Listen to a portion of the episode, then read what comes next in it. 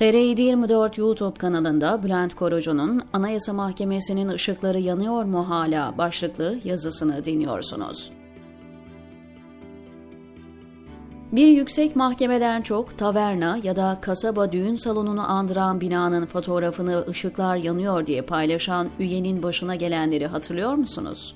Anayasa Mahkemesi eski başkan vekili Engin Yıldırım'ın yaşadığı linçten söz ediyorum. Sabık İçişleri Bakanı Süleyman Soylu'nun benzin döktüğü yangın bir anda Anayasa Mahkemesi'nin bütün üyelerini sarmış ve her zamanki korkak tavırlarıyla arkadaşlarını satmış, şahsi görüşüdür. Kurumsal görüşümüzü yansıtmıyor, utancına imza atmışlardı. Gözümüzle gördüğümüz şeyi inkar mı ediyorlardı? Kilometrelerce uzaktan görülebilen ışıkların aslında yanmadığını mı savunuyorlardı? Öyle olmadığı muhakkak. O halde AKP'lilerin lincinin doğru olduğunu ve Engin Yıldırım'ın darbe imasında bulunduğunu söylüyorlardı. Böyle düşünüyorlarsa o darbe heveslisini neden kapının önüne koyup adalete teslim etmediler? Tıpkı 8 yıldır cezaevinde kalmalarına çanak tuttukları iki üye Alparslan Altan ve Erdal Tercan gibi. Altan ve Tercan'ın böylesine suçüstü yakalanmışlığı da yoktu. Yıllarca beraber mesai yaptıkları iki yüksek yargıcı ilahlara kurban ederek kendilerini kurtarmışlardı. Kamu görevlilerinin ihracını dikte eden kapı gibi KHK vardı ve orada iltisak da yeter diyordu.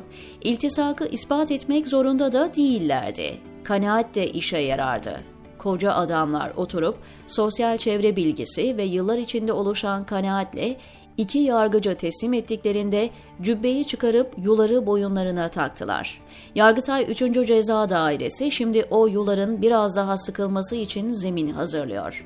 Can Atalay'ın milletvekili olmasına rağmen yargılamanın devam etmesini hak ihlali sayan AYM üyeleri için suç duyurusunda bulunuldu. Suçlamanın hem metni hem de ima ettiği nokta çok ağır. AYM'nin 9 üyesinin anayasa hükümlerini ihlal ettiği öne sürülüyor. Bunu bir darbeciyi kurtarmak adına yaptıklarını da hesaba katarsak, alın size çifte su verilmiş bir darbe suçu. Gezi eylemleri darbe ise, Atalay darbeci ise onu hapisten çıkarmaya çalışan 9 üyede pekala suç ortağıdır. Üstelik sosyal çevre bilgisi ve kanaatin çok ötesinde yazılı bir metin var. Yargıçlarla ilgili dokunulmazlık kalkanının zayıf noktası suçüstü hali de mevcut. Altan ve Tercan'ı tutuklayan Ankara 2. Sulh Ceza Hakimliği daha ne bekliyor? Yargıtay 3. Ceza Dairesi aslında taktik hata yaptı. 9 kişiyi birden itham etmesi işi çözümsüz hale getirdi. Oysa Başkan Zühtü Arslan veya iki üyeyi diğerlerini kandırmakla itham etseydi, henüz suçlanmamış olanlar kendilerini kurtarmak için istenen kelleleri verir ve sıralarını beklemeye koyulurdu. AYM Genel Kurulu en az 10 üyeyle toplanabiliyor. Suçlanan üyeler oturuma katılamadığından toplantı yeter sayısı bulmak imkansız. Gel çık şimdi işin içinden.